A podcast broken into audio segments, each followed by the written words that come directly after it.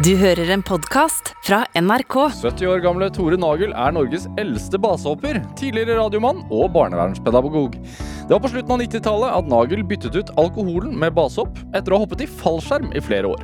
Noe som i 2017 ble til dokumentarfilmen Fritt fall. Og i dag er han her i Drivkraft.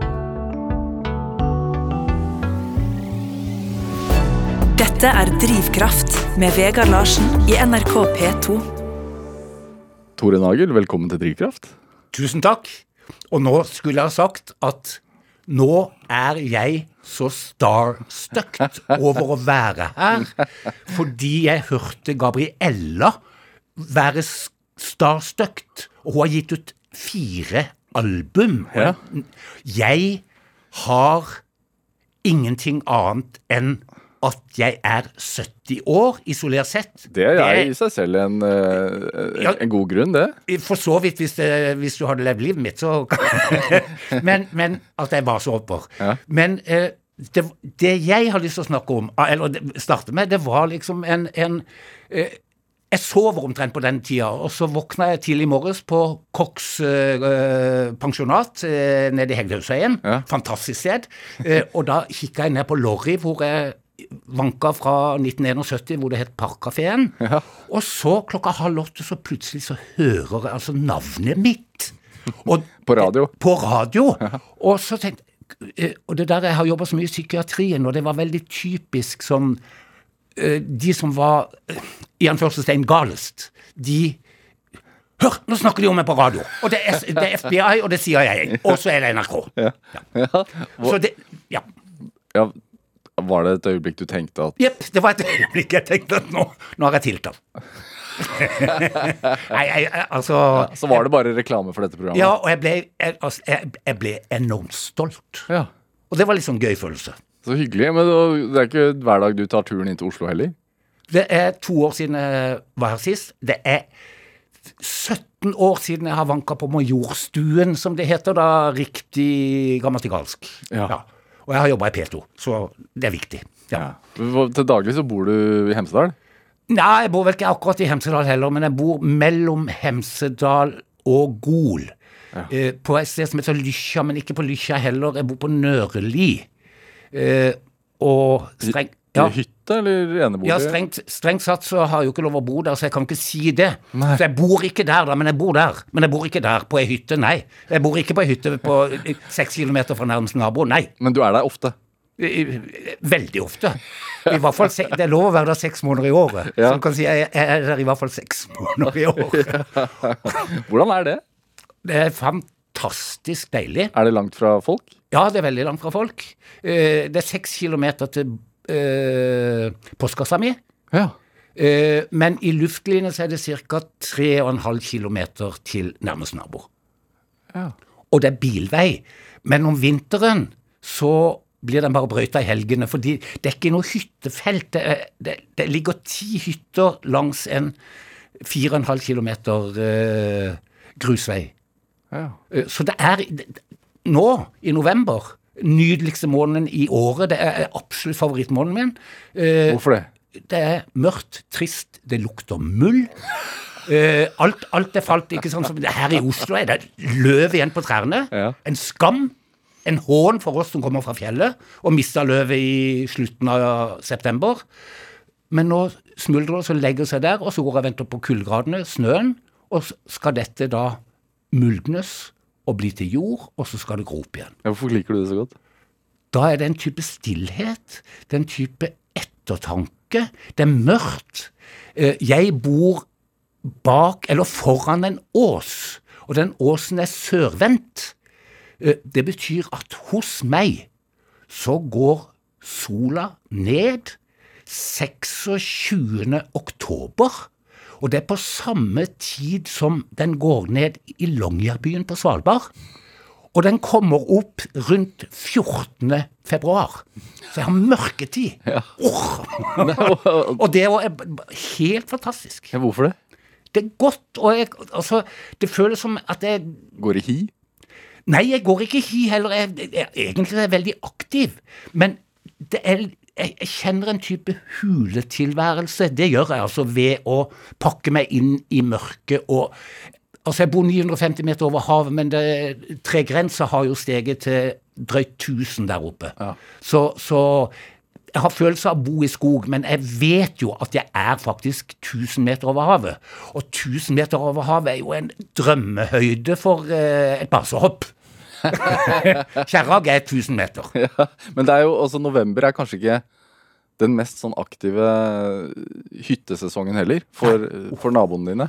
Så da takk, kjære Gud, for at eh, du avslutter høstferien eh, rundt 15. oktober. Da er det ikke noen der. Liker du folk? På mine premisser, ja. Ja. Eh, innimellom veldig godt. Men det er på mine premisser. Jeg har ytterst sjelden besøk. Og jeg har òg en sånn eh, Litt for spøkt, da, men eh, det er jo litt alvor i det. Altså, skal du komme hjem til meg, så må jeg ha beskjed et par uker i forveien. Da kan du få kaffe. Kommer du uanmeldt, så blir du sendt, blir sendt hjem. Altså, det er ikke noe Skal du ha noe mer, så må du skrive to eksemplarer. At jeg vil gjerne komme på besøk til deg. Post. Eh, I post, ja, i brevform. Ja. Post, ja. Ja. Nei, nei, nei, nei, hallo. jeg har postkasse. Det er jo da, ikke daglig syssel, det er en ukentlig syssel å gå i postkassa. Så, det, så det, jeg har ikke fått noen brev. Men jeg har fått besøk. Ja. Uanmeldt. Uanmeldt. Og de har fått traktering. Noen har til og med fått middag. Oh, ja. Ja, de har lagt om ei løype. De kom Hei, du, Sølve her. Eh, vi er på motorsykkel, fem stykker, eh, og vi er nede i Flå. Og så skal vi opp til Ål, og så har vi lyst til å komme innom. Han har vært der en gang tidligere. Jeg sier det er åtte-ti mils omvei. Ja. Får vi lov å komme? Selvsagt. Sølve. og da kom de opp på det der grusveien vinner fem svære motorsykler. ja. Så du ønsker velkommen inn, altså. Ja, men eh, la, imaget mitt sier eh, Nei, nei, nei. nei. Er det, er det, hva er det fine med å bo aleine, da? Og på vidda der? Det er, selv om det er litt trær da, rundt deg? Ja, det er stillheten. Alt bråk lager jeg sjøl. Absolutt alt bråk. Eh, Det er kravløsheten. Alle krav er det meg sjøl som stiller. Det betyr at jeg kan når som helst Tore, i dag har du så slett karakter. Du har ingen ryggrad. Så nå avlyser du den turen du hadde tenkt å gå for å få de seks og en halv, syv timene mosjon i uka. Ingen kan si Nei, men ikke gjør det. Men jeg har, jeg har, jeg har diskusjoner på sånt. Men det er meg som bestemmer. Og den følelsen Jeg tror det var han Charles Bukowski, forfatteren, Ja. som har sagt noe om det at ja, det er greit med eh, å kunne vel, være aleine og kunne velge alle de tingene sjøl. Men hva med ensomheten? Og så stiller han et så, litt sånn sårt spørsmål etter det. Og da, kjære Charles Bukowski, som har vært død da i 70 år, kanskje? ja. Ikke så lenge, men ja. ja. Nei, ok, men uh, han har vært død lenge. Ja. Du tar feil. Jeg elsker for eksempel å feire julaften mutters aleine. For eksempel. Dette er Drivkraft med Vegard Larsen i NRK P2. Og i dag er eh, basehopper Tore Nagel her hos meg i Drivkraft med NRK P2. Jeg gjerne snakke mer om jul etterpå, men først litt sånn basehopp. Hoppe base som sø- Når hoppa du sist? Jeg hoppa sist uh, 24. juli i år. Hvor var det? Kjerag. Ja.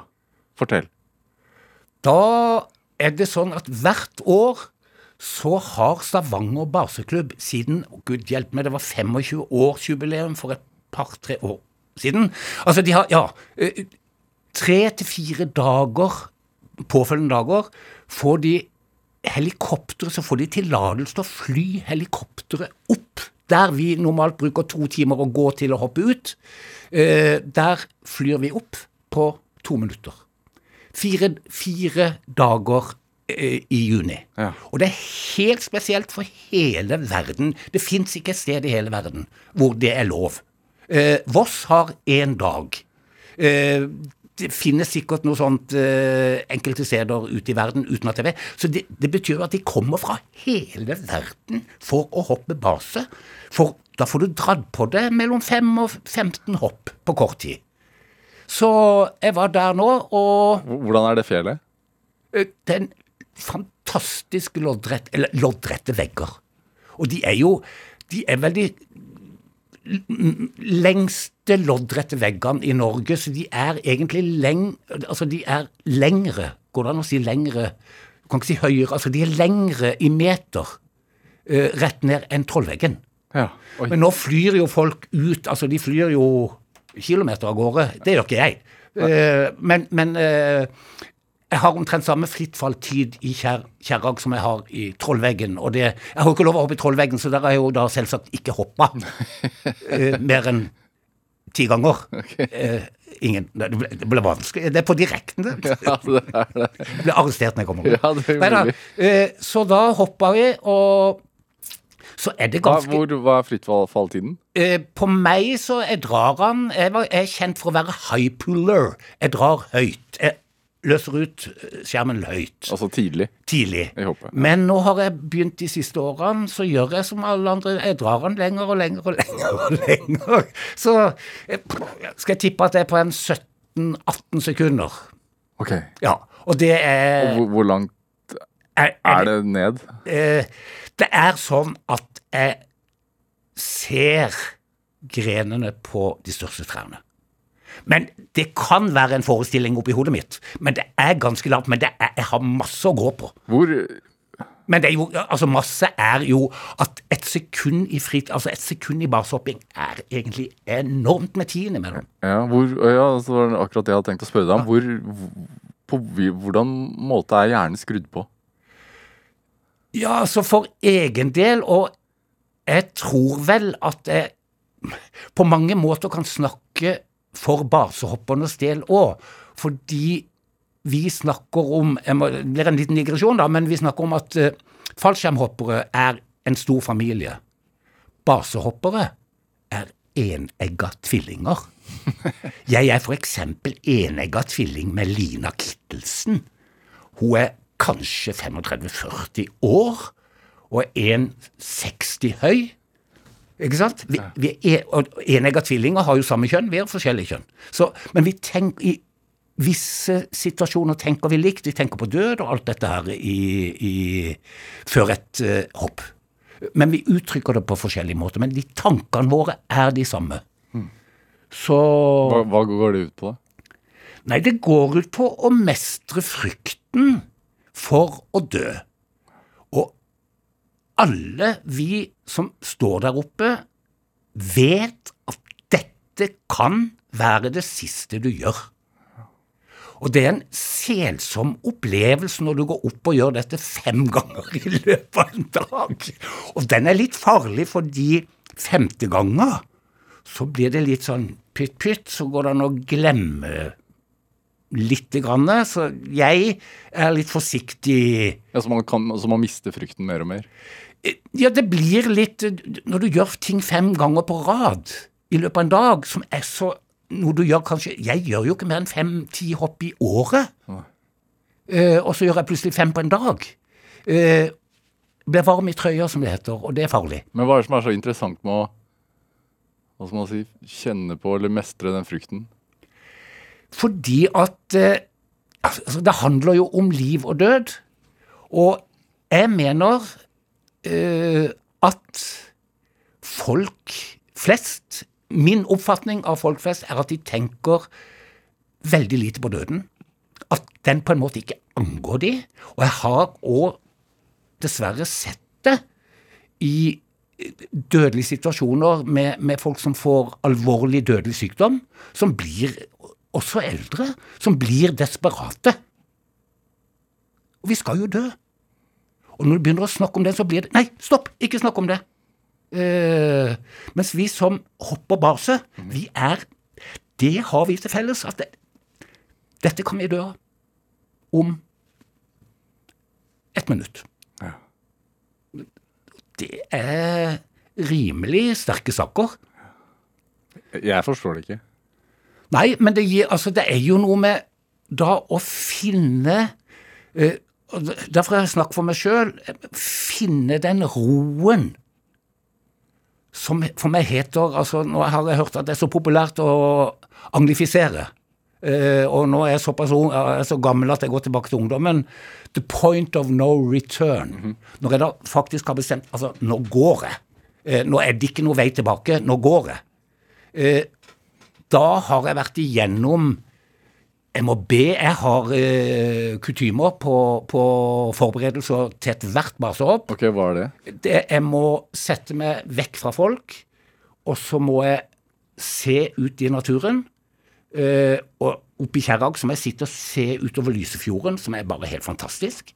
Eh, og så må jeg ha en lang bønn som går rett og slett på Kjære Gud, ta vare på, og så remser jeg opp eh, alt og eh, veldig mange. Og mange navngitte, og eh, noen som mer generelt. eh, og alle de andre, og de som lever og de som er døde og sånn. Og så eh, avslutter jeg aldri med at Og så avslutter jeg med 'skje din vilje'. Og før skje din vilje, men få meg trygt ned. Men det gjør jeg ikke lenger. Nei, hvorfor Nå- ikke? Nei, altså når du, når du på en måte overlater dette til en høyere makt, det, det er det jeg gjør. Så sier jeg 'hallo, Gud, nå må du fikse opp her'. Enten kommer jeg fra det i livet, eller så gjør jeg ikke. Du kunne jo bare latt være, da. Ja, å be eller å hoppe? Å hoppe. Nei, nei. nei. det, det var jo det jeg trodde i år, da. At jeg skulle, jeg skulle teste, da, om, jeg, om det var noe. For jeg har jo skada meg nå på de siste hoppene. Så jeg har jo gått sånn rekonvalesens ganske lenge.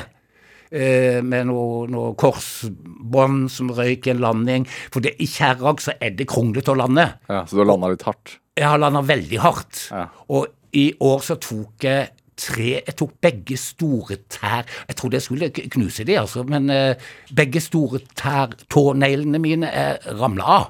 Uh, og det er, det er en smertefull opplevelse, for det tar så lang tid. Den ene holder på å felle nå, Ja. uh, og det var 25. juni. 24. juni. Eh, men men eh, eh, Og da skada jeg meg det første hoppet.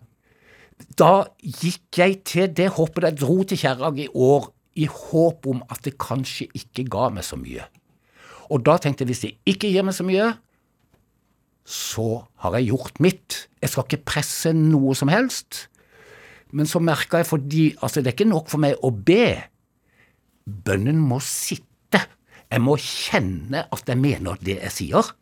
Og noen ganger så er jeg så ukonsentrert, og da må jeg på han igjen, og så må jeg på han igjen, og så må jeg på han igjen. Jeg har vært oppi ti ganger, sitter oppi kjerra der, og ja, der sitter han, takk Gud. Mens i år så satt han på første, sånn Og da var jeg klar, da, da kan jeg bare gå. Da er det bare å stå og vente på klarsignal. Men hva gir det deg, da? Det gir meg en eh, mestringsopplevelse som eh, Jeg kan ikke sammenligne det med noe. Egentlig, altså, det er så sterk opplevelse, det å mestre og tørre å møte frykten for døden og utsette seg for døden. For det faktisk Jeg har mista altfor mange kamerater, eh, venner og venninner i dette miljøet. Eh, og, og så farlig er det. Og jeg hopper veldig konservativt. Eh, men det er farlig allikevel. Men det gir, og så gir det jo en rus som er Nå har jo Jeg har jo aldri rusa meg sånn Jeg har prøvd alt. Men jeg har aldri rusa meg, jeg har aldri dro, ikke vel, jeg har aldri tatt sprøyter liksom, og kjente kicket. Men jeg kjenner en som var heroinist. Ja, heter det heroinist? Ja. Eh, og han kunne sammenligne det kicket når han hoppa, skjermen åpna seg, og han landa med de beste sprøytene han satt. Og der er det jo en miks av naturens eh, altså kroppens da, eh, fantastiske stoffer. Endorfiner, dopaminer og adrenalin og i en salig miks. Hvorfor trenger du det, tror du? Jeg vet ikke helt, men jeg er en veldig urolig, rastløs type. Jeg har vært det hele livet mitt fra jeg var Altså, alltid har jeg vært det. Alltid. Eh, og jeg vet i hvert fall at når jeg har hoppa Før så kunne jeg leve et halvt år Nei, løgn. En måned på et hopp. Nå kan jeg leve et par uker på ett hopp. Da er Og det er vel de eneste gangene i livet jeg føler at jeg er i vater, som jeg kaller det. Og, det, og det, den følelsen i seg sjøl er veldig god. Hvordan er du da? Jeg er nok noe av det samme, men jeg er mye roligere. Jeg, jeg innbiller meg sjøl at jeg er mer harmonisk. Men da har jeg jo også da gjerne vært sammen med folk eh, tett i flere dager, og da vil jeg hjem. Og ikke være sammen med folk, fordi jeg bruker veldig mye av meg sjøl når jeg er sammen med folk. Og jeg blir veldig sliten av meg sjøl, da. Hvor egoistisk er, er, er man når man er basehopper? Eh, Helegoistisk. Ja. Ja. Ikke, altså det er ikke forsøk engang på å forsvare Jo, men eh, altså, ja. Jeg har datter, jeg har barnebarn, jeg har to søstre. Søstera mi er stolt. Dattera mi, Stine, har sagt jeg, Hun vil ikke høre at jeg hopper base, men en gang sa hun til meg jeg er stolt over deg, pappa. Det, det kan ha vært en, at hun glemte seg. jeg har aldri tatt det opp med henne. Jeg, jeg sier aldri når jeg hopper. Jeg, har, jeg forteller aldri når jeg drar til Kjærag eller Romsdalen. Nei. Så nei, det er en egoistisk ting. Men tenk, tenker du at det er ens liksom, rett til å gjøre det hvis Ja. man har lyst? jeg, jeg tenker at det er en menneskerett å gjøre det, og egentlig så burde flere gjøre det. Eh, For stå på for, Hva hva er dine ord, si? Nei, men det, det handler jo Altså, der er det jo noe med, med, med Jeg mener jo at mennesket Hvis jeg altså generaliserer det som eh, Det høres ikke så veldig menneskevennlig ut å kalle det Og jeg er en misantrop. Jeg liker enkeltmennesker, men eh, nei. Ja. Som slekt er vi håpløse. Det, det er ikke noe Vi forsvinner snart. Men det er en, det er en helt annen sak. Men, men, men uh, uh, vi utfordrer oss sjøl for lite. At, og det er mange måter å gjøre det på, men det er snakk om altså Ja, for det er, det er lite konstruktivt. Bortsett fra at man får Nei, det er så konstruktivt. Å, herre min, da. Det er jo noe Altså, du, du For meg, da, så gang på gang så realiserer jeg en drøm. Å realisere drømmer Det kan jo ikke finnes noe som er mer konstruktivt enn det. Og det er jo en enkel måte å gjøre det på. det er bare å kaste seg ut fra Og så er det jo ikke bare fjell. Jeg håper Holmenkollen. Den er jo kjempe. Er det lov? Nei, jeg vet ikke. Det er ikke jeg håper ikke det her, men det er ikke lov. Jeg vet ikke om det er lov. Men er det Altså, er du Hvor til stede er man i lufta? De 18, 18 sekundene. Altså, veldig til stede for det Du kan si i et fallskjermhopp så sitter du i et fly. Flyet skal ha en minimums eh, fremdrift på 120 km i timen, tror jeg det er. Så du går jo ut og møter en vegg av vind, ikke sant? Altså, for du har fart. Når du hopper base, så akselererer du fra null. Og det, altså for meg er egentlig exiten idet jeg hopper ut i den totale stillheten. Og så bare begynner det å akselerere, og du hører det. Tenker du på noe, eller bare observerer du? Da bare observerer jeg, og bare Altså, da er jeg stinn åpen. Altså, jeg er Jeg er jeg, jeg tror jeg må definere meg som 100% tilstedeværende. Altså, ellers så er jeg ikke det. Og jeg faller jo veldig ofte ut. Jeg må jo skjerpe meg her nå, sammen med deg, for ikke å falle helt ut. Og jeg har falt ut to ganger allerede, uten at Jeg, jeg vet ikke om du merker det, men jeg har det, da. Men, men, men eh, den tilstedeværelse. Og så er det det der du kjenner farten, og så er det når du ligger i lufta, så kjennes det ut og sees ut som du ligger og slikker.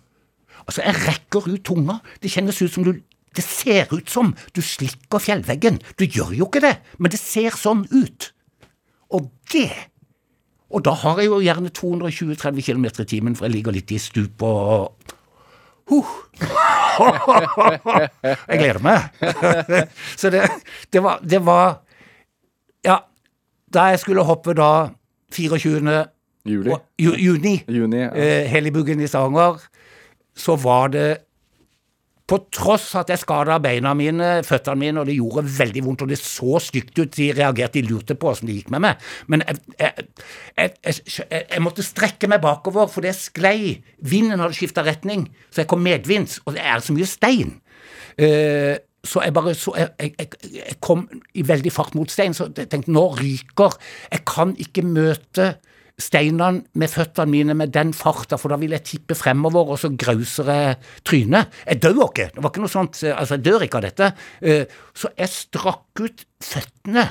eh, og- Også med tærne først, da, for at jeg ikke skulle smelle hælen opp i, i Altså, jeg har jo da gjennom alle baser og fallskjermhopp, ca. 2000 til sammen, så har jeg da mista syv centimeters høyde. Noe, tre, fire, tre av de må du ta på, på alder. Fire er komprimert eh, ryggrad. Så, men da traff jeg, og så ble jeg bare liggende. Men det, det var så hardt at folk var redde, hadde skada meg skikkelig. Men jeg hadde ikke det. Er det Er det, hva skal man si, et dødsønske, eller er det det motsatte? Jeg vil si at det er det helt motsatte. Ja. Jeg har hoppa øh, dypt deprimert. Altså ikke øh, Jeg kunne ikke hoppe der, altså, for du kan ikke ha noen selvmordstanker. Øh, det vet jeg folk har hatt òg. Og så bare kommer de Så de dratt den røykende i bånn, som det heter. altså da da drar du så langt du kan, men så likevel så, så, så trekker du. ikke sant? Og så, så lander du trygt. Og så, å. Men jeg har opplevd og ha hatt det så sinnssykt tungt at jeg ikke visste noe Jeg fant ikke noe utvei. Uh, og det er litt sånn ekkel følelse. Jeg har, hatt, jeg har litt tungsinn Eller jeg har ikke litt, jeg, jeg lider av tungsinn. Eh, depresjonen. Men, men altså, eh, jeg var tung, og så tenkte jeg nei, og da bodde jeg nede i Setesdal, så jeg hadde bare to timer, et kvarter over til Kjerrag. Nå drar jeg rett og slett over til Kjerrag og gjør et hopp. Og da da jeg landa etter det hoppet, så tenkte jeg Hallo! Skal en kemner ha 230 000 Det var noe skatte de hadde funnet ut. Det var gått elleve måneder og tre uker Nei, ni måneder og Ni år, ni måneder og tre uker var gått, så skulle det foreldes. Et helt sånn sinnssykt skattekrav jeg fikk i 1988 på, for jeg ikke hadde levert selvangivelse. Så de skjønnsligna meg. Og jeg kjempa med det. Jeg trodde det var ettergitt. Og det var liksom eh, det var, det var, Og så lander jeg, da. eh, og bare kikker opp på den eh, fantastiske Exit 6, hvor jeg pleier å hoppe fra, i, i, altså Utsprang 6 i Kjerrag. Kikker Hallo, namsmann, eller hva pokker, du skal få penga dine, vi skal ordne opp, jeg skal betale deg så mye du bare vil ha. Det landa helt, og da var det klart altså det var en så sterk lyst og vilje til å leve videre for å hoppe mer, at det som da en time i forveien hadde gjort meg så tung og så gal fordi at det, jeg syntes det var urettferdig, hadde de klart, altså Det må ha lyst en lampe et sted, for det hadde vært, gått ei uke ekstra, så hadde, de, hadde saken vært foreldet. Men det er som en restart. Det blir som en restart på en datamaskin, dette her, da. Oppi huet. Yep. Er det litt sånn at du tenker at livet ikke nødvendigvis må leves av fire? Er det et mantra? Nei, det er ikke noe mantra. Det er eh, Jeg er vel kanskje litt heldig der. At det er eh, det, det, det høres patetisk rart ut, men det er noe Jeg, jeg blir trigga av Veldig ofte så blir jeg trigga av å gjøre det motsatte. Hvorfor det? Noe er fordi at det er så mange som bare gjør noe fordi de andre gjør det, uten å altså, Og det finnes jo veldig mange som gjør det fordi de har et reflektert forhold til at de gjør det. Mens jeg har da Jeg ser alle de over en, skjærer de over en kam, og så Altså, det er som å øh, svømme mot strømmen. Og jeg gikk absolutt ikke alene om det, da. Eh, Men det går automatisk.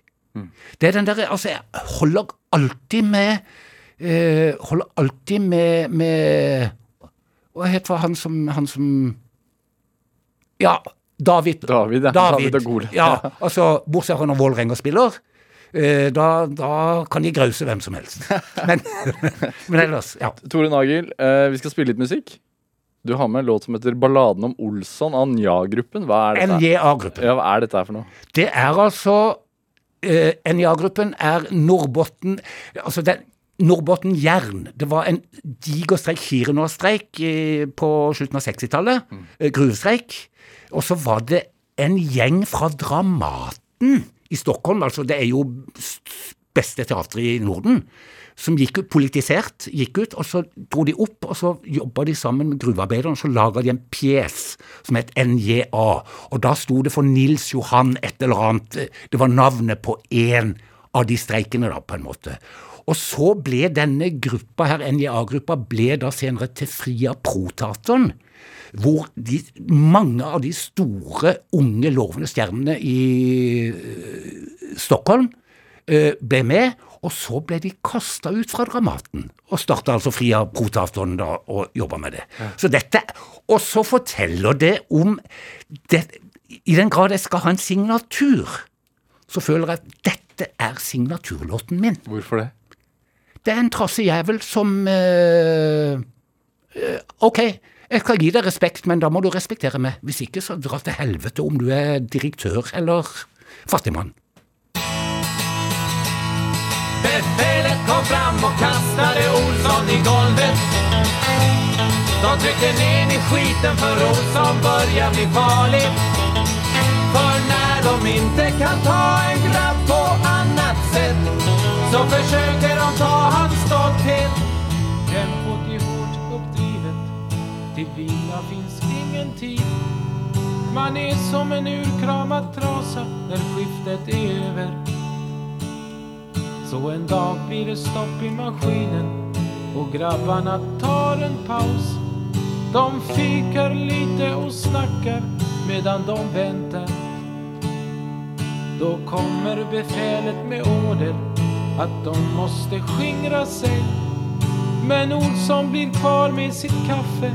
Ingenjören säger Enligt reglementet är det förbjudet att dricka kaffe i grupp. Det är förbjudet att sitta och dricka. Ni måste stå upp. De gick på honom med reglementet. Men Olsson han sa till slut. Dra åt helvete med era regler. Då kom befälet fram och kastade honom i golvet. De tryckte ner i skiten för Olsson börjar bli farlig. För när de inte kan ta en grabb på annat sätt så försöker de ta hans stolthet. Men Olsson var inte rädd, han gick inte att knäcka. Ingen kunde ta från en hans värdighet. Så han drog upp sin kniv och sa till ingenjören Jag ska skära strupen av dig din jävel. Jag ska släppa luften ur dig din fan. Nej, som var inte rädd Honom kunde de inte knäcka. Jag ska skära strupen av dig din jävel. Jag ska släppa luften Ja, Du fikk eh, balladen om Olsson av NJA-gruppen her i Drivkraft på NRK P2, valgt av dagens gjest her i Drivkraft, nemlig Tore Nagel, som er Norges eldste basehopper. Du er fra Kristiansand. Jeg er fra Kristiansand, ja. Eh, Fra Lonsia. hvor, hvor, er det? Det er eh, øst for Otra. Ja. Men, eh, men eh, det er ikke som i Oslo eller andre større øst- og vestside. Det noe, det ikke, skillen går ikke sånn i forhold til eh, klasse, da, kan du si. Du nevnte noen søstre men hvordan, hva slags familie er du fra? Jeg kommer fra en Skal vi si en i, Sett utenfra en I hvert fall fram til jeg var 16-17, en middelklassefamilie. Mamma begynte å jobbe da jeg var 15 Hun var hjemmeværende, begynte å jobbe da jeg var 15. Jeg har to eldre søstre som er syv og åtte år eldre enn meg. Eh, og pappa hadde en eh, veldig god jobb. Eh, han var en av sjefene i da Norges største entreprenørfirma, som het Betongbygg. Eh, og vi satt rimelig greit i det. Ikke noe sånn svær, Vi var ikke rike, men jeg, jeg fikk Altså, jeg, jeg led ingen nød, og jeg fikk egentlig Ikke det jeg ville, det jeg pekte på, men jeg fikk ganske mye. Og, og Hva slags plass var dette for 70 år siden? da? akkurat der vi bodde, det var øh, Solbygg. Og det var et bygg som var tegna av Tilo. eh, og er det for noe til Ja. En veldig kjent arkitekt som hadde tegna et prototype på et bygg som var ikke sant, altså Det var første blokkbebyggelsen i Kristiansand som var lagt solbygg. og Lagt på et fantastisk tomt med utsikt over hele Kristiansand. Eh, og var, altså, sånt- Det var for det moderne mennesket. Det var meninga at du skulle gå i heisen ned i kjelleren, og der var det en diger parkeringsplass. Alle hadde, skulle ha biler, og dette tegna han da i 46, 45, tenker jeg. Eh, og, og, og Nei, kilo var det. Og så er det helt stille. Ja.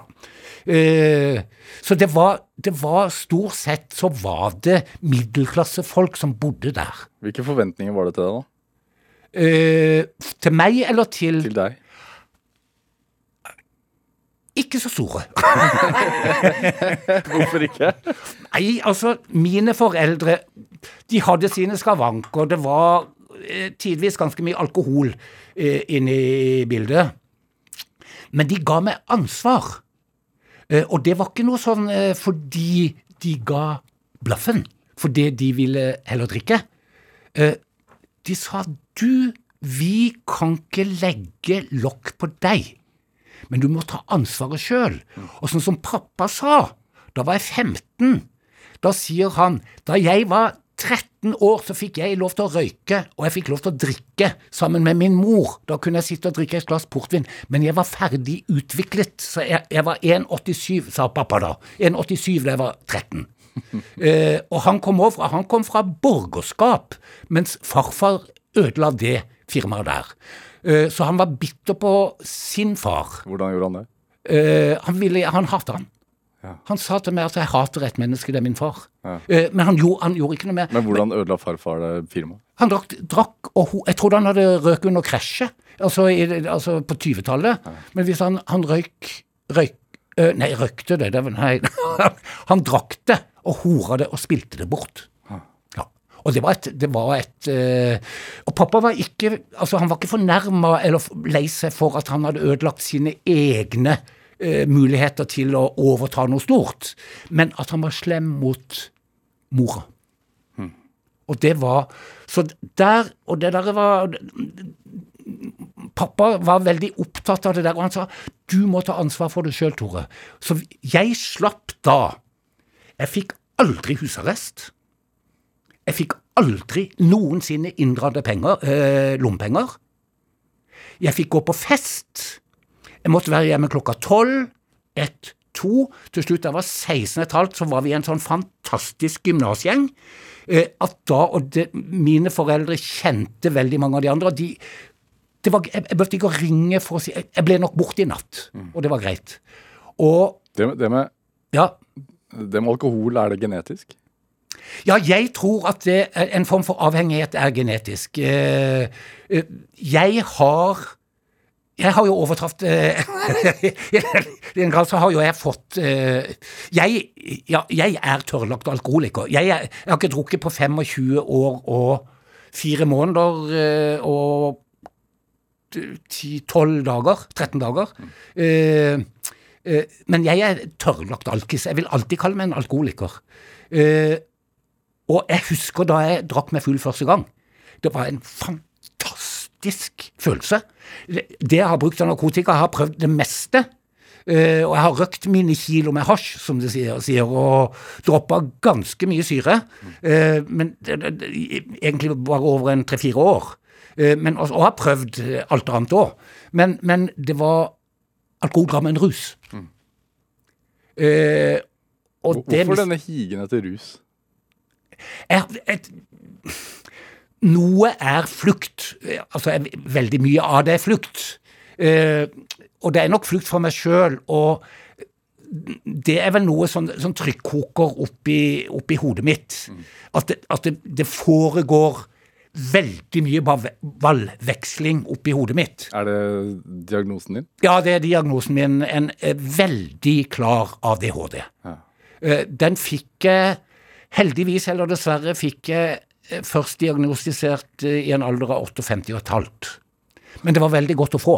Ja. Hva tror du at Hvis du hadde fått den i ung alder, tror du at det hadde gjort noe forskjell? Ja, eh, da hadde I og med at jeg ikke er fingernem i det, altså jeg har ingen, så vil jeg tro at jeg hadde vært psykiater. Og det, det, det høres pretensiøst ut, men det, jeg tuller ikke. Jeg var ganske Jeg, jeg slapp disse her eh, Smart. Ja, jeg var smart. Jeg slapp. Jeg hadde ikke dysleksi. Jeg kunne lese og skrive før jeg begynte på skolen. Altså, og jeg var flink uten å gjøre noe, helt til det begynte å kreves noe i slutten av ungdomsskolen og på gymnaset. Da falt jeg helt igjennom. Hvordan føles ADHD? Noen ganger så er det veldig slitsomt. Eh, fordi jeg får ikke stoppa hodet. Og mine tanker går ikke på Hadde de bare vært konstruktive Mine tanker er ganske mye destruktive. At jeg, jeg tenker så mye skam. Jeg tenker på veldig mye dritten jeg har gjort. Og skal, jeg vet ikke om jeg kan dra den eh, En sånn symptomatisk Jeg vet ikke om det er riktig i forhold til eh, det skrivebordet jeg snakka om. Hva, eh, for det gjelder her på huset, men altså, det er sånne ting som jeg går og tenker på den dag i dag. Du, skal jeg fortelle det, Nei, da, men det du, det du sier til meg, er at det kverner. Ja, det kverner, men det kverner på, altså, på de Altså, jeg var så heldig å ha Torkjell Berrulsen som sjef en gang. Ja, For du har jobbet her i NRK. Jeg har jobba i NRK. Eh, og jeg jobba stort sett frilans, men også hadde noe fastlønn. Og jeg, jeg, det var meg sjøl som styrte det. Og jeg kom inn gammel, og, jeg fikk eh, Og Torkjell Berrulsens kontor var eneste røykerommet i NRK. Og der var det tett, og der var det åpent, altså. Det var helt fantastisk. Han hadde et skrivebord som han hadde fått tak i, og det var Fostervoll, kringkastingssjefen. Og det skrivebordet klarte jeg å lage et brennmerke på. Og det var siste sommeren jeg var her. Eh, Så sier jeg, kan du få ordna det til jeg kommer tilbake på ferie, fra ferie? Ja, sier jeg. Du bare gå og spør noen av gutta over der og der, sier han. Og så fikk jeg aldri gjort det. Det går jeg og kverner i. Jeg har tenkt, ikke bare fordi at jeg er i NRK i dag. Eh, Jeg tenker på det fem ganger i uka. Ja. Og dette er en av de tingene jeg går og tenker på, som, som, altså, som egentlig ikke har noe hensikt. Eh, men nå kan jeg i hvert fall si beklager så mye, Torkild Berrelsen. Eh, det er en av de svake karaktertrekkene mine, men du gikk god for meg på mange andre måter, så, så Men det er det slitsomme med min ADHD. For det andre, som er Jeg er ikke så spesielt kreativ. Jeg går og jeg er kreativ i tankene. Jeg, tenker, jeg leker mye med ord. Men jeg er for redd til å sette meg ned og skrive. Redd for. Eh, Avvisning. Refusjon. Men det har ikke noe med Det har ikke noe med ADHD Det er en eh, veldig mange ADH som jeg kjenner, har den. Hva er det hva, hva, Da du fikk diagnosen, og du fikk den i veldig voksen alder, Ja. Jeg var 58 og et halvt. hva gjorde det med deg? Det ga meg en forklaring på at Gud hjelpe meg for noen tålmodige foreldre jeg tross alt har hatt. Som jeg fikk aldri ris på. Jeg fikk aldri ju... Altså, og da var jeg liten òg, altså. Jeg slamra meg dører og knuste og brølte, ikke sant. Altså, de har sett noe jeg husker de snakka om at jeg hadde maur i baken. Skolen snakka om at jeg hadde maur i baken. Jeg fikk dårligste oppførsel og ordenskarakter. Det sa foreldrene mine, det gjør ingenting så lenge du ikke er frekk mot lærerne, og du er ikke frekk mot oss. Det var, jeg hadde to leveregler. Ikke frekk, ikke opponere mot oss, ikke mot eh, skolen. Gjør hva du vil. eh, så, så Men det at foreldrene mine har sett at det var noe feil med meg Men så har jo jeg da For pappa hadde det som eh, heter Sankt Veistans. Han har sånn ufrivillige rykninger. Setesdalskrysja heter det. Helt til jeg så en eh, eh, NRK, en fantastisk en, eh, om Tourettes syndrom. Og, den, for jeg trodde ikke, og det, det er ikke mange år siden jeg så den, og jeg har sett den mange ganger. Og så tenkte jeg, Gud hjelpe, er fordi eh, Sankt Veistans dør du av på et tidspunkt. Det gjør du ikke, og det, pappa døde av kreft. Eh, eh, men Sankt Veisans de satt jo der og røkka innimellom alle sammen. Så han, han var nok en eh, Feildiagnostisert han også? Ja. ja, han hadde ingen diagnose, ikke sant. Det var ikke noe Og så var han jo en altså, Han ga Han var en Han var profilert, han var veldig profilert i Kristiansand, han. Men han brød seg ikke om eh, Han brød seg like mye som Olsson. Eh, Som vi hørte balladen om Olsen. Ja. Men er det, var, fungerte alkohol som en demper på det? på meg, ja. Ja, På ADHD-en? Eh, nei, han gjorde Den funka som amfetamin på meg. Ja, motsatt, altså. Ja, og det der er at jeg aldri klarte å skjære igjennom de gangene jeg var på amfetamin. Jeg har vært med på la meg si, en åtte-ti sånne tredagers uh, uh, race på amfetamin opp gjennom tidene. Og så har jeg alltid sagt nei, nå går jeg og legger meg. Og så har de sagt ja, men det går ikke an å legge seg nå. Du kan legge deg om tre dager, vi får jo ikke sove når vi har kjøpt, kjøpt i oss halvannet gram hver. Ja, men jeg er trøtt nå. Og så poff, sovner jeg. Jeg har aldri tenkt på det. Og jeg jobba i ungdomspsykiatrien. Da het det MBD-barn. eh, som fikk Ritalin. Det slo meg ikke meg at eh, jeg hadde det samme. Ja. Så jeg oppdaga det veldig tilfeldig. Eh, ganske gammel. Men dette livet ditt, når du prater om alkoholkonsum og øh, narkotikamisbruk du, du prater jo med det med veldig letthet. Ja, men det, jeg har jo gått eh, veldig mange runder eh, med meg sjøl. Og snakka med veldig mange om dette. Dette har jo jeg òg snakka Jeg har jo gått i kan du si, alkoterapi. Den første egentlig som var alkoholretta, eh, terapeutisk. Eh, men det handla jo også om depresjon og alt dette her, fordi det, det er en sammenheng. Det var i 79 på Vinneren. Eh, så, så, jeg, så jeg har et ja, gjennomjobba og reflektert forhold til det. Men jeg er ikke så, altså, jeg er ikke så redd for for det, dette er meg. Jeg anbefaler Det kan jeg si. Jeg anbefaler ingen å bli alkoholikere. Er det det at du da begynte å hoppe fallskjerm Var det en slags et substitutt, eller var det basehoppingen som ble et substitutt, eller hvordan var dette her? Jeg ble ekskludert fra fallskjermhopping pga. fyll. jeg ler, altså jeg, Det er en skamfull latter, kan du si. altså det er ikke, Jeg er jo ikke stolt over dette.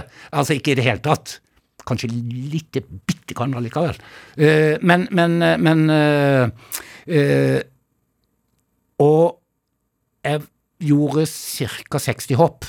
Og jeg var nok ikke edru på noen av de hoppene. Jeg hadde ikke sittet og drukket eh, så jeg var full eller noe sånt, men altså dagen derpå, det er som å kjøre bil. ikke sant? Altså, jeg, og jeg la meg alltid sein. Jeg, jeg var sistemann som la meg, det var jeg alltid. Jeg, jeg ble speeda på alkohol. Eh, så det, og så kom jeg tilbake igjen, og da tenkte jeg tør jeg å hoppe ut av et fly i fart nå, edru? Kunne du satt andre i fare? Nei, ikke på, ikke på men Jeg kunne ha satt meg sjøl i fare, eh, men det var mer lemfeldig. Eh, Ikke mye, men i engere kretser var det mer Om det lukta litt bakfølge, eller om du hadde reparert med en øl, så var det litt sånn pytt-pytt. Det var ikke sånn som sporten er ute, ikke sånn at hvor du jobber i grupper og du sparker armer og bein, at du bruker hjelm fordi at du kan bli stark, sparka bevisstløs. Sånn var det jo ikke da da jeg hoppa. Og jeg hoppa jo alene stort sett alltid. Så, så, så det var mer hvis jeg skulle skal vi si, frike ut. Men jeg har en, eh, jeg har en eh, evne, og den har jeg også skjønt i Det er bare noen få år siden. Jeg skjønte altså jeg har noe som heter eh, hyperfokusering. Som er en del av en ADHD, eller det er mange som har ADHD som har det. At jeg kan konsentrere meg noe enormt. Og det, jeg bruker det i, nei, i basehopping. Altså De siste sekundene før jeg hopper, så, så stenger jeg ute alt. Altså Det er ingen skyld de jeg skal Jeg hopper jo sammen med folk i base. Vi tar av opp, hoppa opp i 20 stykker. Det er galskap. Eh, men, men, eh, men altså, da er jeg så skjerpa. Så, så Nei, jeg har ikke satt noen i fare. Hva er det beste med å bli tørrlagt, da? Jeg fikk tilbake søvnen etter ei uke. Ei ukes edruskap. Og jeg har slitt med dårlig søvn siden jeg var knøttliten. Og det tror jeg også er noe med ADHD-en, at det er noe med søvn, så jeg våkner alltid veldig tidlig om morgenen. Og der var ikke foreldrene mine våkne, ikke sant? så jeg har klart meg sjøl veldig mye, veldig mye alene, og klart meg godt alene mange timer om morgenen. Lørdag og søndag. Søndager, ikke sant, altså hvor foreldrene mine igjen lå til 10-11, og jeg våkner ikke halv seks. Så måtte jeg finne på noe. Men så hadde jeg en annen egenskap, jeg var glad i å lese. Så jeg, jeg kunne sitte rolig med en bok i to timer. Så, men jeg har, aldri, aldri utsatt andre for fare i Det, det, det, det hadde jeg ikke villet. Men det Ja. Hva har vært liksom Du har vært innom radio også. Vi snakket så vidt om at du har jobbet i NRK du har jobbet i masse lokalradioer. Eh, men, men hva tenker du har vært liksom drivkraften din gjennom hele? Det virker jo som om du har hatt et behov for å også, hva skal man si, døyve noen demoner, eller i hvert fall Ja da, jeg har, eh, jeg har helt Altså eh, Han som han, eh, Christian Landmark som laga den en dokumentar, dokumentar som ble referert til her. Ja, var du, det er ikke meg som ja, ja. Fra 2017. Eh, ja, og han påsto på en måte, men med spørsmål Har du satt basehopping istedenfor alkohol? Ja. Og det, tro meg eller ei, men det hadde jeg aldri tenkt på. Og så Og jeg gikk og tenkte på det i flere timer. Ja, det har jeg. Men jeg hadde tenkt på det i nesten 20 år før jeg gjorde det. Men øh, det er nok et substitutt. Og det som jeg sier, jeg blir roligere av det. Eh, over tid så blir jeg roligere av å hoppe base. Eh, og så er det dette altså Folk snakker om flukt, men altså, etter hvert så syns jeg det er så mye som blir flukt, at egentlig så er praten om flukt er en flukt i seg sjøl, tenker jeg. Men, men, men, men det er klart det er noe som er på siden av et innimellom vanskelig hode, som jeg ikke alltid regjerer over selv. Og så har jeg et veldig, sånn, veldig sterkt gudebegrep. Eh, eh, og da sier jeg 'hallo, nå må du overta'. Det er ikke alltid det hjelper. Så, men da tenker jeg ja, ja, men da er det meninga at jeg skal stå her. Men det er, de, det, det er den derre sirkelen med de kjipe tingene som jeg tenker som jeg ikke får gjort noe med. Fordi jeg Det er vel litt den kardemommeloven loven. Altså, du skal ikke skade andre eller dømte, dømte, dømte. Du skal være grei og snill, ja, men, men for øvrig kan du gjøre Gjør hva du vil. Ja. Den Det er din livs Ja, det livs er min. Og DJ Friendly sin. DJ friendly Ja. sin. Ja. Men er det Altså, Hvis du skulle beskrevet en, en slags livsdrivskap, da, øh, altså drivkraft, hva ville det vært?